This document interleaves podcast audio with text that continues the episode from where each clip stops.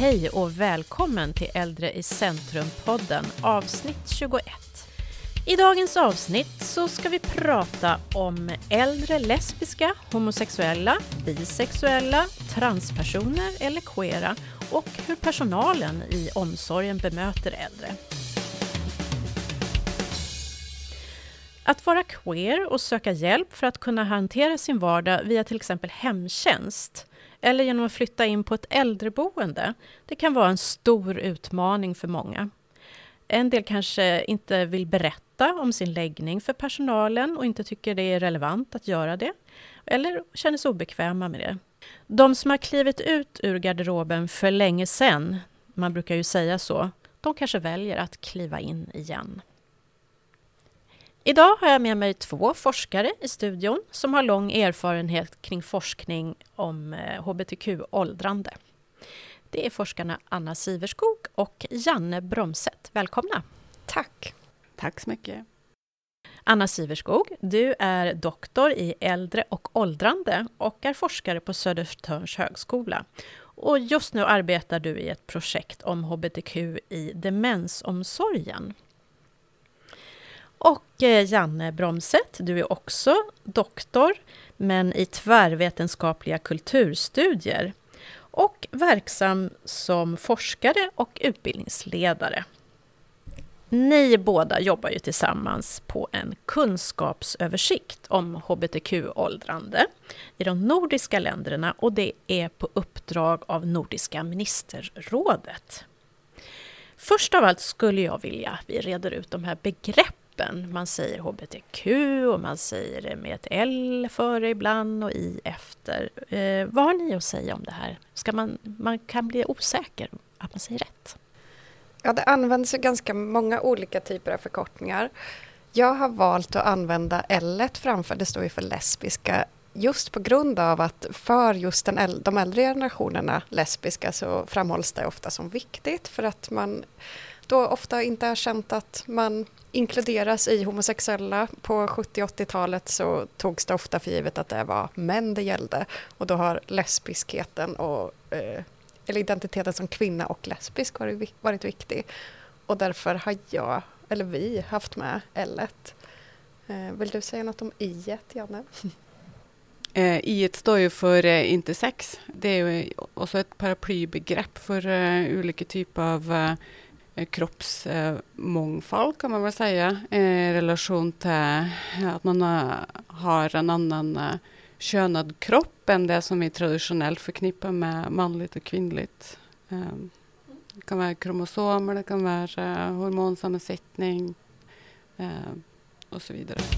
Hur kommer det sig att ni har valt att forska just kring hbtq för äldre? Jag började som doktorand i äldre åldrande då för drygt ja, 12-13 år sedan. Och upptäckte ganska snabbt att någonting som man inte pratade om var just äldres sexualitet och än mindre homobisexuella. Så då kände jag att det här måste jag ägna mig åt. Eh, och hur var det för dig, Janne? Jag eh, började jobba med ett projekt om eh, queers livsvillkor i olika åldrar och hur ålder, kön och sexualitet samverkar. Så vi intervjuade unga, queera och äldre. Och jag hade ansvar för en del studien om, eh, om äldre. Eh, och då upptäckte jag att det här var gjort väldigt lite forskning på. Så då var det bara gå igång. och så var det ju också väldigt roligt eh, att få lov att göra livsberättelseintervjuer med, med äldre queer. Eh, det var jättespännande. Varför var just det roligt om du jämför med yngre? Ja, de har ju levt eh, längre. De har ju mycket mer livserfarenhet. För den här gruppen levt genom en tid med radikala ändringar eh, när det gäller både rättigheter och, och synen på eh, LHBTQ personer som är, har påverkat deras liv. Då. Känns det befriande för dem kanske att få prata?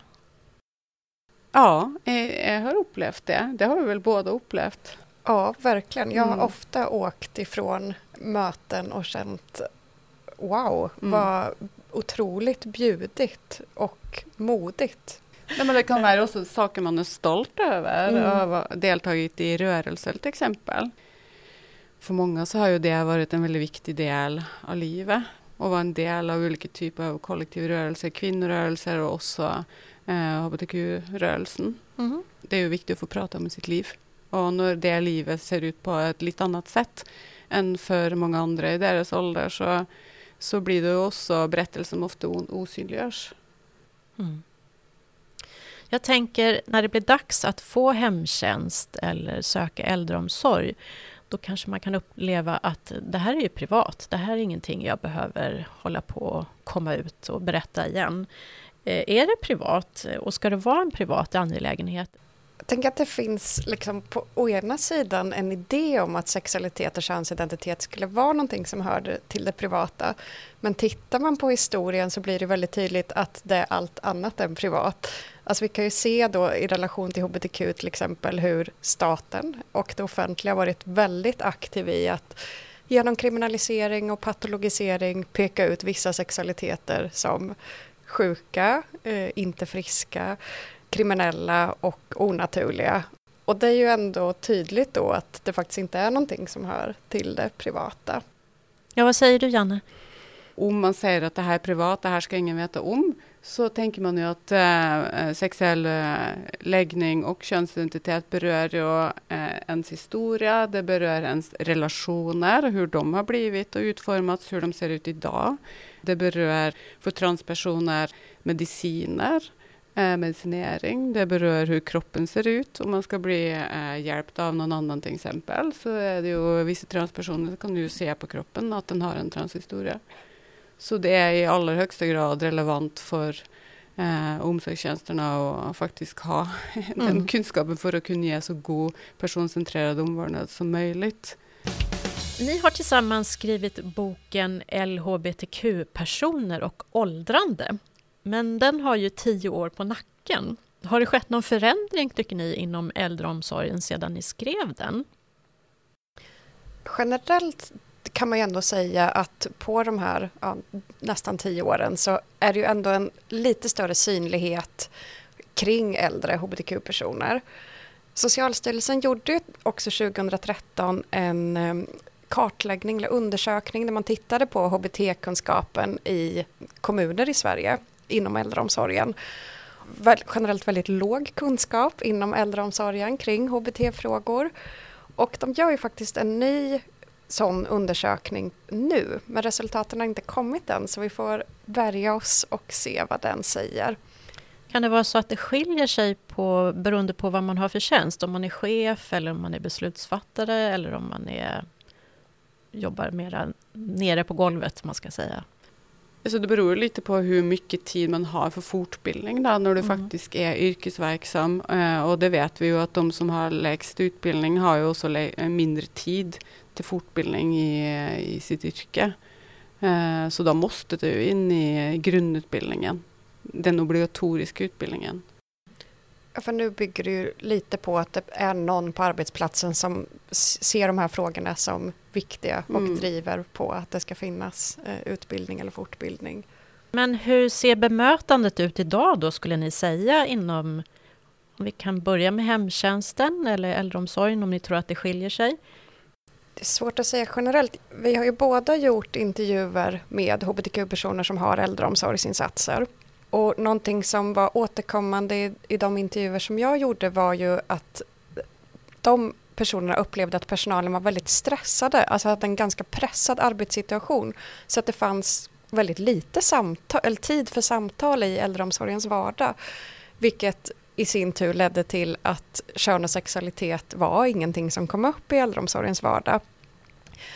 Och den här tystnaden då kring eh, kön och sexualitet ledde ju dels till att ansvaret att liksom komma ut och lyfta de här frågorna hamnade väldigt mycket på personerna själva. Några av de här personerna pratade också om att nej men det finns, det pratar man bara inte om på det här äldreboendet till exempel, att sexualitet, nej gud nej, det, det pratas det mm, inte om helt mm. enkelt. Så det beror ju delvis på normer kring kön och sexualitet, eh, men också på ja, arbetssituationen inom äldreomsorgen som är väldigt tuff. Och man brukar inte ha någon sån här inledande möten när de skrivs in där man bör ställa kanske, inte just den frågan, men andra saker som kan vara privata eller intima. Och sådär. Precis, ibland används ju livsberättelser eh, i äldreomsorgen. Och då beror det ju ganska mycket på hur, man, hur frågorna ställs, eh, vad man får för svar och att det är viktigt eh, vilka, ja, att man använder könsneutralt språk och sådär. Jag tycker ju att eh, det, som vi har sett i Norge är att mycket av de eh, rutinfrågorna eh, som, har, som används vid inkomstsamtal och som livsberättelseverktyg har blivit mycket bättre när det gäller utformandet. Att det är mer könsneutrala frågor, att det finns en medvetenhet runt att man inte ska baka in heteronormativitet i frågorna till exempel. Men det är lite som du säger, liksom hur man använder det eh, handlar ju om hur trygg man är i möte eh, med att faktiskt se att det här kan vara eh, liksom en person som kanske är inte helt straight eller liksom eh, också och våga och, och ta uppföljningsfrågor. Eh, man måste ha en medvetenhet och kunskap då, för mm. att kunna följa upp det med, med trygghet. Kan ni ge exempel på könsneutrala frågor? Ja, men till exempel att ställa frågan så, har du haft någon make eller maka? Eh, kanske direkt upplevs som att möjligheten att berätta stängs ner. Men eh, att till exempel istället då fråga har du haft någon partner eller vill du berätta om vilka personer som har varit viktiga för dig under livet? Eh, öppnar ju kanske då istället upp för att berätta. Och mm. det kan ju tyckas som små saker med liksom begrepp, men det kan göra väldigt stor skillnad. För det handlar om att bli erkänd och sett också. För om du, första du måste göra i mötet är att gå in och korrigera någon sina antaganden om dig så blir det en väldigt dålig start som inger en, inte inger tillit i mötet till att den här personen faktiskt eh, har kunskap om dig och ditt livslopp också. Det blir ofta fokus på homosexuella. Du nämnde tidigare att man glömde bort lesbiska till exempel. Men om vi bortser från homosexuella, finns det inte risk med att man missar till exempel transpersoner? Jo, och det är ju någonting också som har varit ganska tydligt eh, när vi har träffat transpersoner, att de uttrycker att det finns väldigt dålig kunskap och att de alltid behöver liksom förklara sig, ta med informationsbroschyrer till läkare för att liksom förklara och berätta och utbilda. Dels kan vi ju se att transpersoner ofta verkligen utmärker sig när det gäller att rapportera psykisk ohälsa, eh, ofrivillig ensamhet, dåligt socialt stöd ehm, så det är ju verkligen en grupp som, som behöver stöd och att man ofta har tidigare erfarenheter av dåligt bemötande från vården och internationell forskning speciellt visar att äldre transpersoner ofta låter bli att söka den hjälp, den vård de behöver på grund av rädsla för diskriminering. Kan du ge något konkret exempel på vad som kan hända? Eh, ja, men i eh, den här boken Queer äldreomsorg finns det ett exempel eh, där en person då berättade den här berättelsen för mig. Och då var det en transkvinna som eh, hade behövt flytta till ett äldreboende och hade, fick hjälp då av två vårdbiträden som kom dit och skulle hjälpa till att flytta då den här personens saker. Och sen så kom en bekant och hälsade på personen som då var klädd i manskläder och eh, frågade men Kalle, vart är dina kvinnokläder? Du hade så vackra kläder och peruker. Och då så kom det fram att personalen hade slängt alla de här kläderna för att de trodde då att det var en före detta partner, eh, någon annans kläder och saker helt enkelt. Så de hade slängt alla de här sakerna. En av de transkvinnorna som jag träffade för min avhandling, som då var frisk och klarade sig bra själv, tänkte ju redan mycket på hur ska det bli när jag behöver äldreomsorg, även om det låg kanske tio år fram i tiden. Och hon sa bland annat så här, ja, alltså jag vill ju, tänk om jag behöver hjälp med att måla mina tånaglar och de bara kommer tycka att jag är äcklig och inte vilja gå hit. Alltså att det är ändå någonting som hela tiden finns med, att bli bortvald som brukare eller att inte få hjälp med det man önskar och behöver. Tror ni, eller har ni märkt av att det har någon betydelse att många som arbetar inom omsorgen, de kommer ju från andra länder. Eh, kan det uppstå problem till exempel med språket, att man inte förstår varann eller att eh, synen på sexualitet skiljer sig? Ja, men det är inget som har kommit upp i de intervjuer jag har gjort. De pratar ju om att ja, det är väldigt många olika som jobbar och eh, det kommer folk från hela världen hem till mig. Men inte det finns inte några berättelser om ja, problematiska händelser eller nästan tvärtom. En eh, person som hade hemtjänst berättade till exempel att ja, här var det ju en kvinna som kom hem till mig och hon hade ju en bror som var homosexuell men det hade de aldrig kunnat prata om för det var förbjudet där de kom ifrån. Men då kunde ju hon prata med mig om det här så vi har haft jättefina samtal. Eh, Janne, vad säger du, du som har mött personal i äldreomsorgen i större utsträckning? Vad, vad säger de om det här? Ja, alltså det är en föreställning som jag ofta blir mött med, eh, att liksom, åh, det måste ju vara så svårt att utbilda i äldreomsorgen, var det är så, för folk kommer från väldigt olika eh, kulturer. Men eh, min erfarenhet är ju att det har varit tvärtom faktiskt. Eftersom en majoritet av de som jobbar i äldreomsorgen har egna erfarenheter av diskriminering till exempel, genom rasism. Så jag tycker faktiskt det har varit en, en styrka och så finns det ju liksom inom alla verksamheter eh, personer som har en eh, konservativ religiös hållning. Det är ju för verksamheten att sätta, eh, liksom vara tydlig i förhållande till vad som gäller här, vad gäller på jobb och vad är, måste du hålla för dig själv. Har ni några fler tankar på hur man kan göra för att man ska känna sig trygg och våga berätta om sig själv? Man måste ju bli inbjuden till öppenhet genom att äldreomsorgen tar aktiva åtgärder för att visa att vi har kompetens och respekt och vi har kunskap om allas livsvillkor. Så det måste ju de visa genom könsneutralt språk, inkomstsamtal, genom eh, synliga eh, markörer som regnbågsflagga. Man kanske markerar när det är Pride. Att det syns i verksamheten. Jag tänkte läsa upp en kort text ur din bok Queer äldreomsorg, Anna. Det är alltså en, eh, en som du har intervjuat som har sagt det här. När jag var ung trodde jag att jag var ensam i hela världen om att vara bög. Jag hade ingen aning om var jag skulle ta vägen. Det blev en grund till min aktivism. Förändringen som skett i samhället nu, det trodde man inte skulle gå.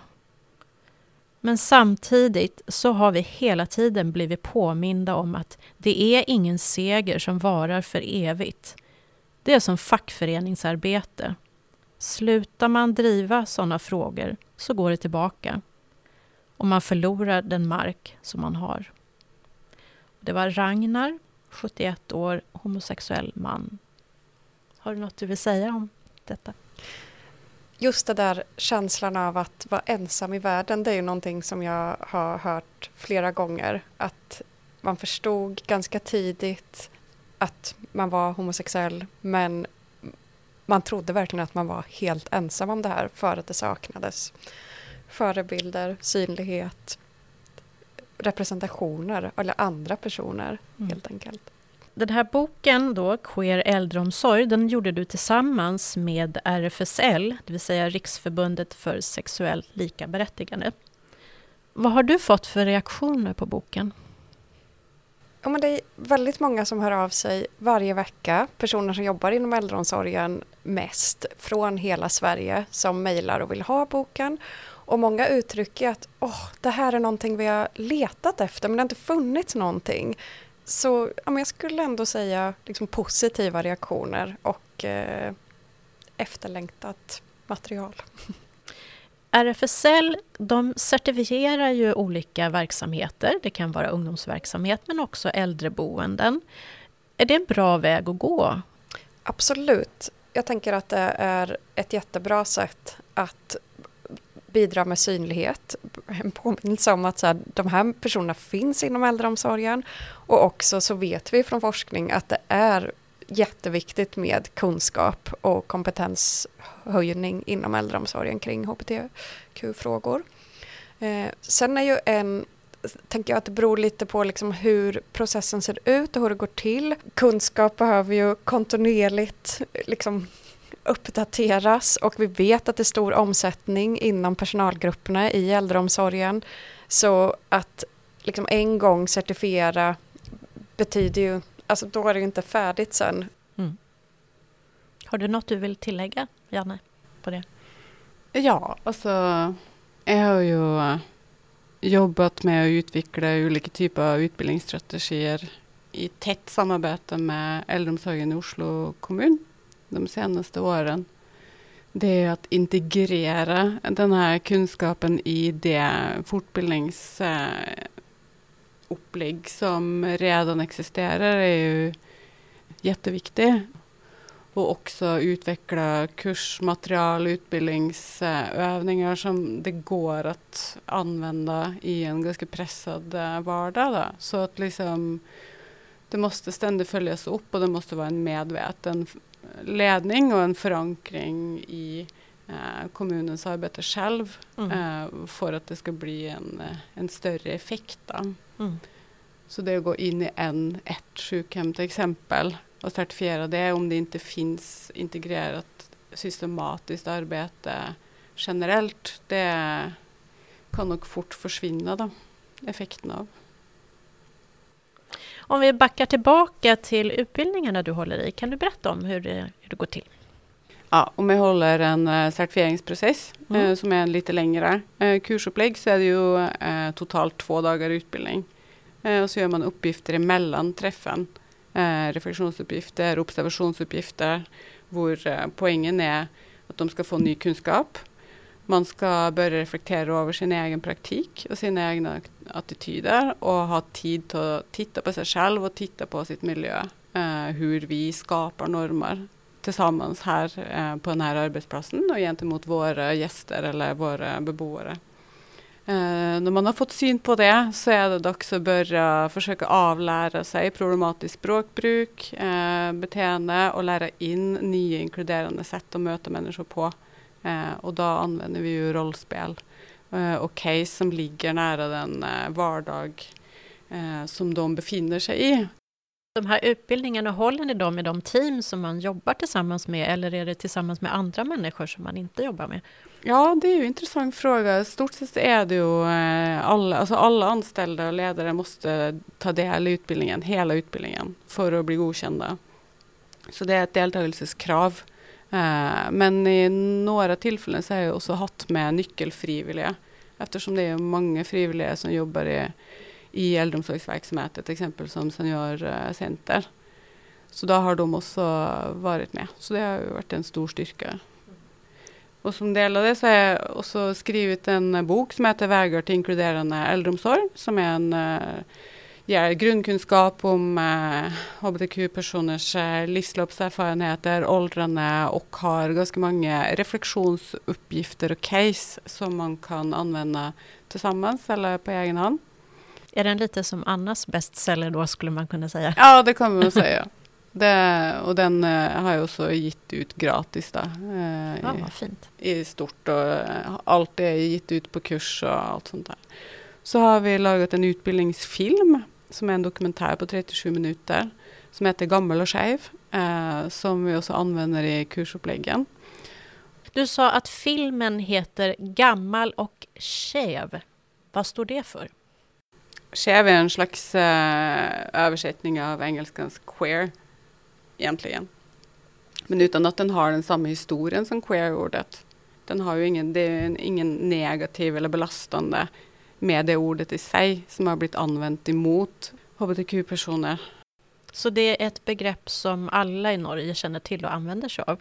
Ja, det är ganska mycket använt faktiskt. I Sverige blev det år 1944 inte längre kriminellt att vara homosexuell. Men i Norge dröjde det ända fram till 1972. Hur har det här betydelse idag för de som behöver hjälp från äldreomsorgen? Jag tänker att det har stor betydelse vilken tid som man har levt i. Alltså att det blir väldigt tydligt just när man gör livsberättelseintervjuer att man är präglad av den tid man har levt i och hur det har sett ut då. Sen är ytterligare en aspekt att de här personerna kan ha kommit ut i olika skeden i livet. Eh, och det har ju också betydelse. Om man kanske har kommit ut först på äldre dagar så har ju livet sett ut på ett annat vis eh, och så vidare. Men eh, absolut spelar det roll och det spelar ju också roll vilken generation man tillhör. För den som är 90 har ju förutsättningarna varit andra än för någon som är 65 exempelvis.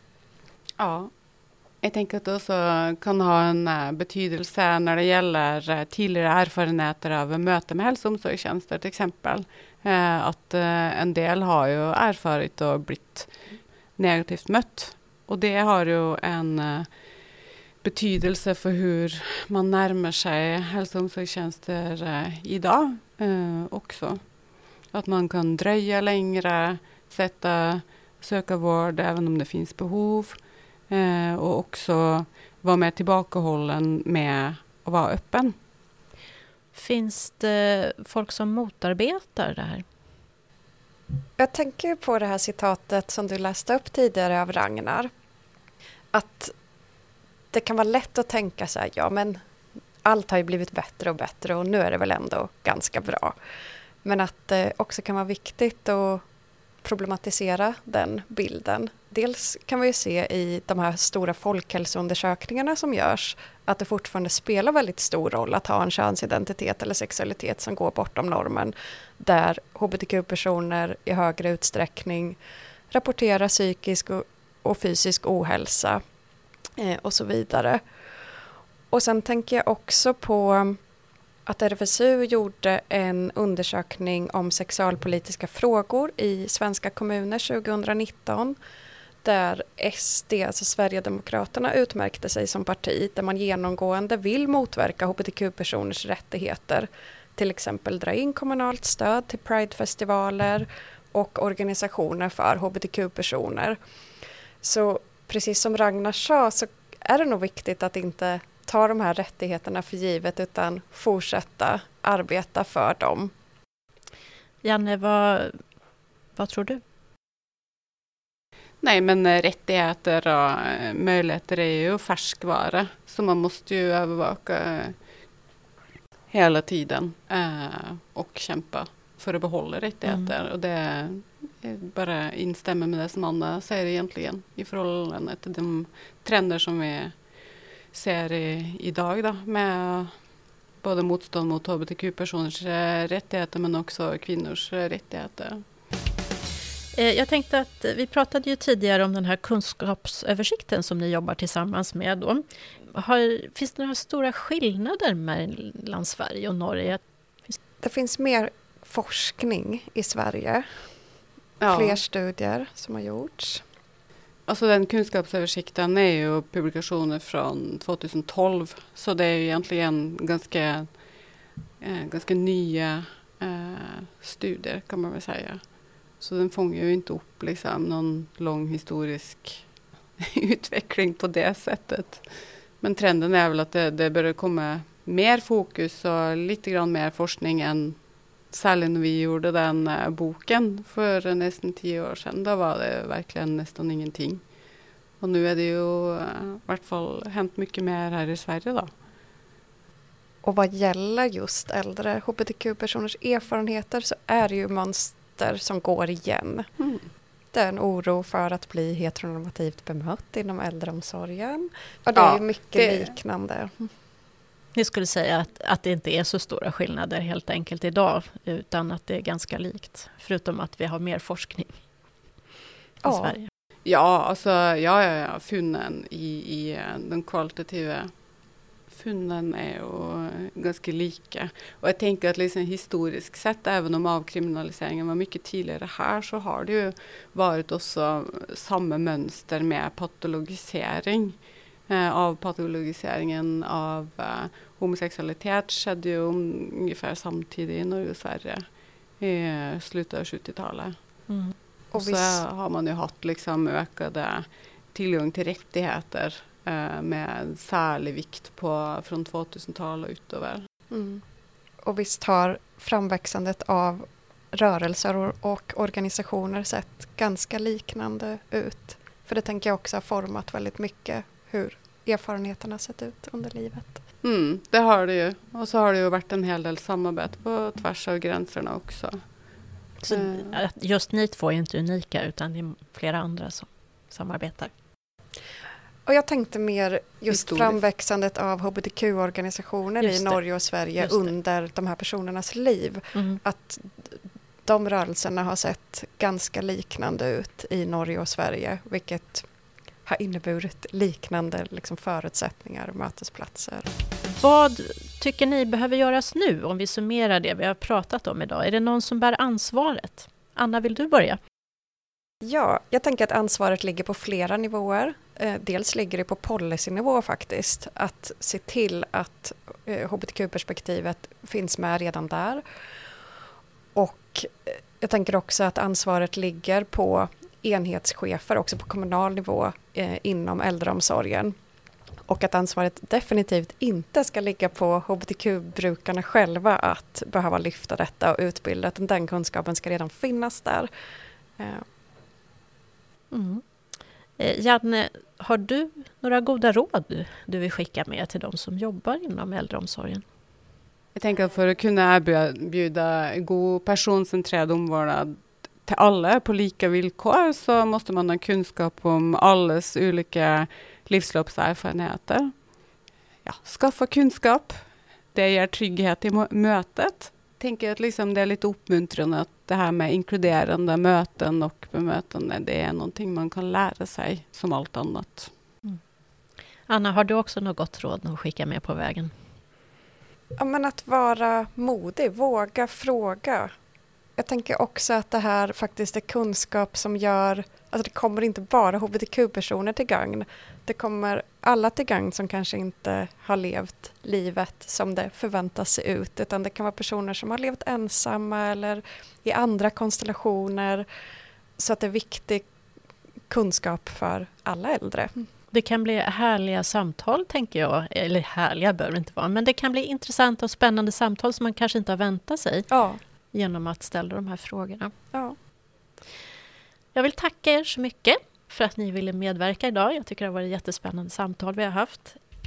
Vill du som lyssnar höra fler avsnitt eller kanske läsa tidskriften Äldre i centrum så kan du gå in på webben på aldreicentrum i ett ord.se. Tack så mycket Anna och Janne för att ni ville medverka idag. Tack för att vi fick vara med. Tusen tack för att vi fick fram